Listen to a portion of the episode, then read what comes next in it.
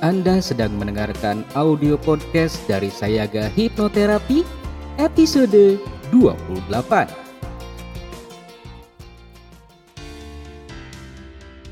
Selamat datang di serial audio podcast bersama Sayaga Hipnoterapi. Institusi penyedia layanan hipnoterapi dan konseling profesional di Kota Bandung yang membantu penanganan berbagai masalah kesehatan, emosi, dan perilaku yang mengganggu kualitas hidup.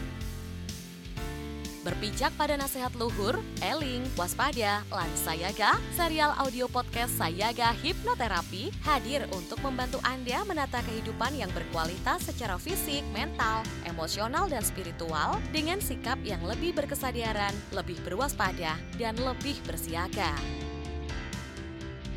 Serial audio podcast Sayaga Hipnoterapi menghadirkan inspirasi kehidupan yang diintisarikan dari berbagai keilmuan psikologi dan pengembangan diri yang juga diadaptasi dari kisah nyata para individu yang menjalani program terapi dan konseling bersama tim profesional dari Sayaga Hipnoterapi. Halo kewargian Sayaga, berjumpa kembali bersama saya Iman Mulia Santosa di audio podcast Sayaga Hipnoterapi. Sebelumnya tidak lupa saya ucapkan salam eling, waspada, dan sayaga. Semoga keluarga semua dalam keadaan sehat, bahagia, sejahtera. Kapan pun dan di mana pun keluarga berada. Pada episode kali ini saya akan membahas mengenai mengenal mental block. Jika Anda tidak pernah merasa mandek karena adanya mental block atau hambatan mental, Anda termasuk orang yang sangat beruntung. Entah merasa terjebak dalam karir, tidak terpenuhinya oleh hubungan, atau ketidakpuasan dengan kehidupan sehari-hari. Kebanyakan orang yang pada titik tertentu telah mencapai titik stabil. Merasa terjebak dalam mental block membuat sangat frustrasi dan dapat mempengaruhi kehidupan profesional Anda, bahkan hubungan pribadi Anda. Banyak faktor yang dapat menyebabkan Anda merasa terhambat dalam pemikiran Anda sendiri. Mulai dari terlalu banyak menganalisis segala sesuatu hingga membebani pikiran Anda dengan terlalu banyak tanggung jawab saat Anda merasa terhambat oleh pola pikir Anda sendiri, memahami cara mengatasi hambatan mental dapat membantu Anda akhirnya membuat kemajuan. Lalu, apa itu mental block? Pertanyaan tersebut dapat terjawab tergantung pada siapa Anda bertanya. Mental block adalah istilah orang awam yang mencakup berbagai pengalaman yang berkaitan dengan perasaan terhalang dalam pemikiran seseorang. Sekali lagi, tergantung pada siapa Anda bertanya. Anda mungkin mendengar istilah seperti kelelahan mental yang digunakan terutama oleh profesional medis yang menggunakannya untuk menggambarkan kondisi yang disebabkan oleh aktivitas kognitif yang berkepanjangan. Kamus dari Merriam-Webster menggambarkan istilah terkait seperti brain fog, writer's block, dan stumbling block untuk menggambarkan berbagai keadaan kapasitas mental yang berkurang. Apa pun terminologi yang digunakan mental block menampilkan teka-teki yang sama, yaitu ketidakmampuan untuk berkonsentrasi, berpikir, atau bernalar dengan jelas yang mengakibatkan kurangnya dorongan. Majalah Forbes melaporkan bahwa kelelahan mental yang tidak terkendali bahkan dapat mempengaruhi kesehatan fisik Anda jika Anda tidak belajar mengatasi hambatan mental, hal itu benar-benar dapat mengganggu produktivitas dan rasa puas Anda dengan kehidupan Anda. Berikut adalah daftar pendek mental block paling umum yang dapat menghentikan Anda untuk menjadi kreatif secara produktif. Yang pertama yaitu keraguan atas diri sendiri. Mental block ini dapat muncul dalam banyak cara yang berbeda. Sebagai ketakutan spesifik, mungkin karena adanya rasa malu atau kualitas kerja yang rendah. Sebagai kecemasan umum atau sebagai fenomena penipu. Keraguan diri membuat Anda merasa tidak memenuhi syarat, tidak peduli seberapa keras Anda telah bekerja untuk mengembangkan keterampilan Anda. Tidak peduli apa yang mungkin dikatakan pihak lain yang objektif. Anda merasa bahwa apa yang Anda lakukan memiliki nilai yang kecil meragukan diri sendiri tidaklah logis, tetapi itu akan menemukan argumen yang tampaknya logis dan memamerkannya di hadapan Anda.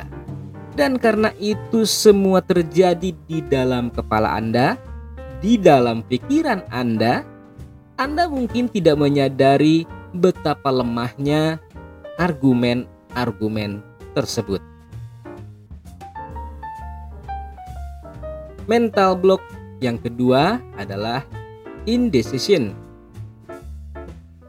Mental block ini menyebabkan Anda menempatkan terlalu banyak nilai pada setiap keputusan. Anda merasa bahwa membuat keputusan terbaik tentang satu item menentukan keberhasilan atau kegagalan Anda di seluruh area. Keraguan-raguan mungkin datang karena Anda tidak yakin dengan prioritas Anda, atau karena Anda tidak mempercayai diri Anda sendiri untuk mengidentifikasi apa yang penting.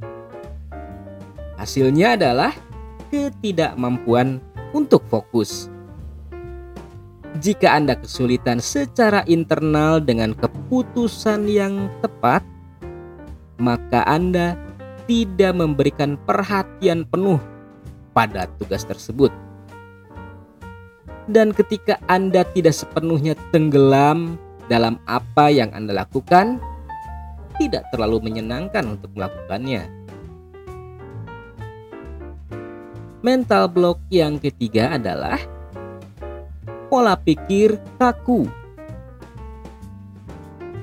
mengikuti pola pikir kaku, apa yang Anda dapat lakukan di masa lalu membatasi apa yang dapat Anda lakukan di masa depan.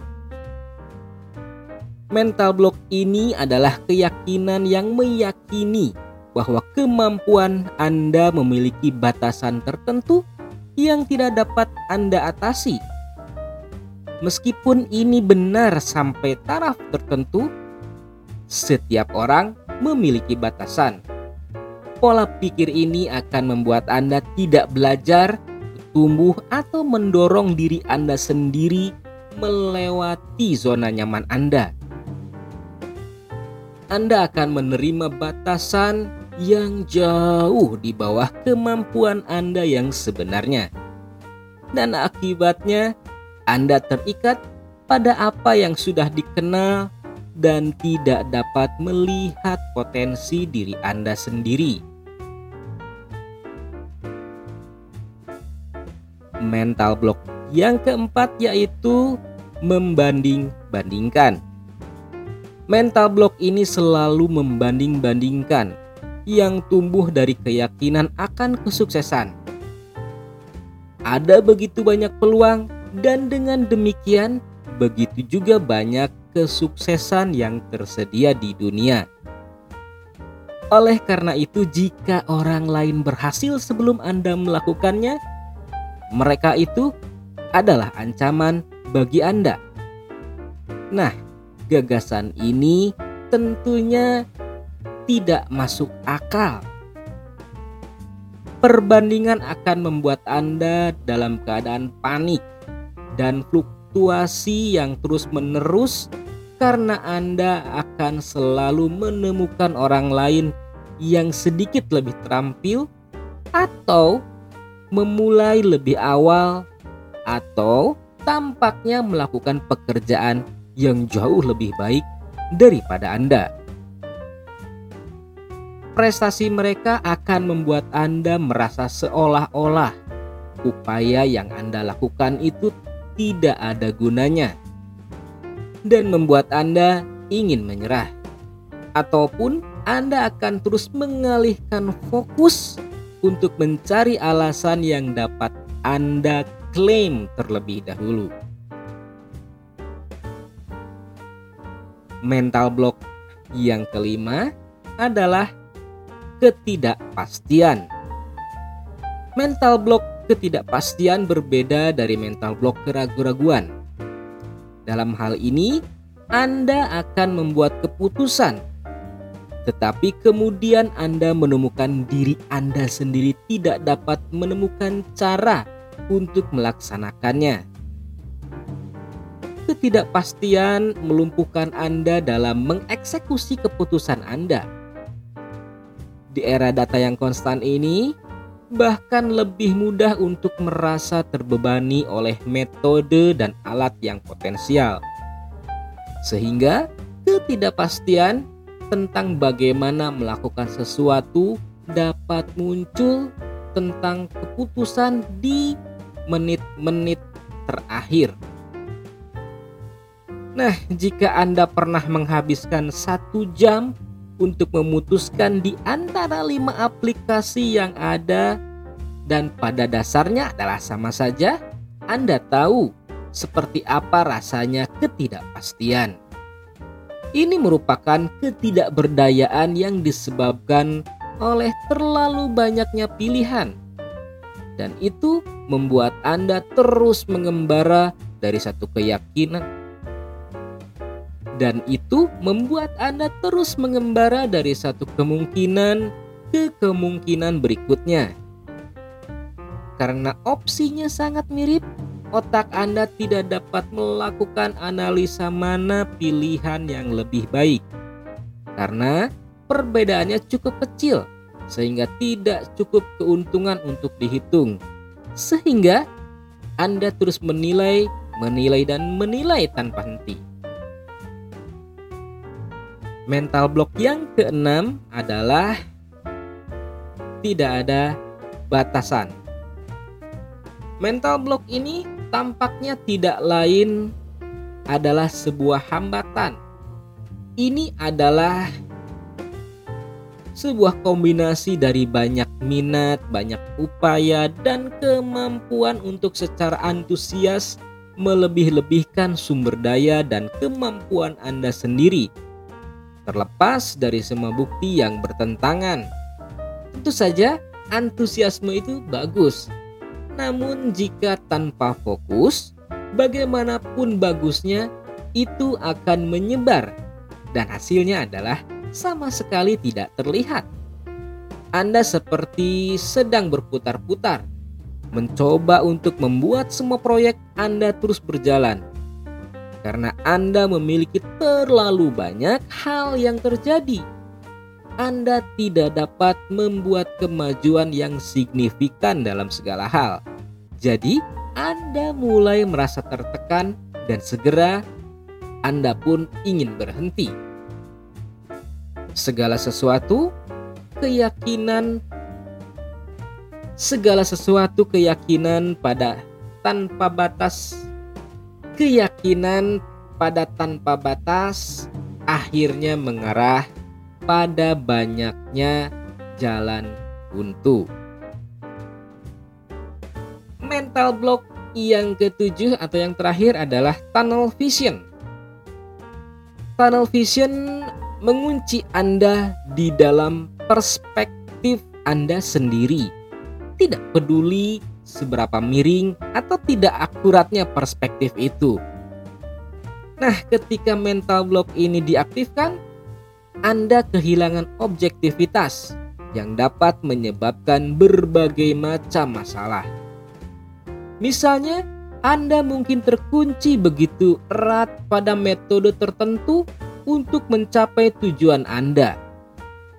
sehingga Anda tidak dapat melihat opsi lain yang jauh lebih mudah untuk diakses. Sebaliknya, tunnel vision juga dapat menyebabkan Anda melihat hambatan yang lebih besar dari yang sebenarnya. Merasa seolah-olah Anda sendirian, atau menilai pekerjaan Anda sendiri sebagai sesuatu yang buruk atau tidak membantu. Lalu, bagaimana hipnoterapi dapat membantu mengatasi mental block? Satu keuntungan dari hipnoterapi dalam permasalahan mental adalah hipnoterapi dapat membuka potensi yang selama ini tidak bisa Anda gunakan. Salah satu cara agar hipnoterapi bisa bekerja dengan memisahkan kesadaran mental menjadi dua jalur informasi yang unik satu jalur berasal dari praktisi hipnoterapi dan panduannya selama proses.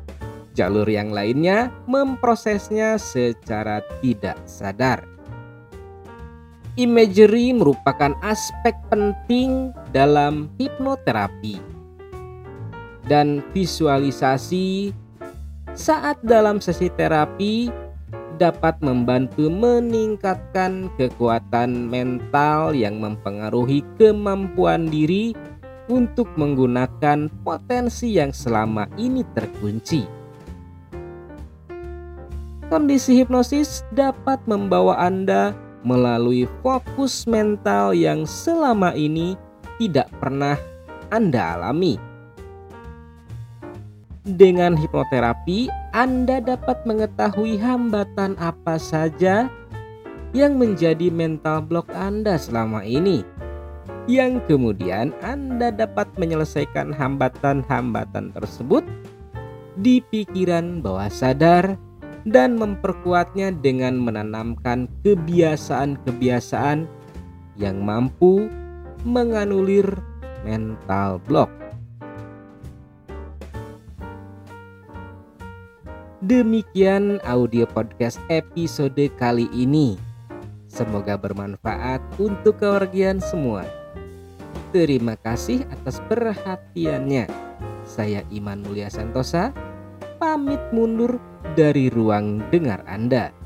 Salam eling, waspada, lan sayaga.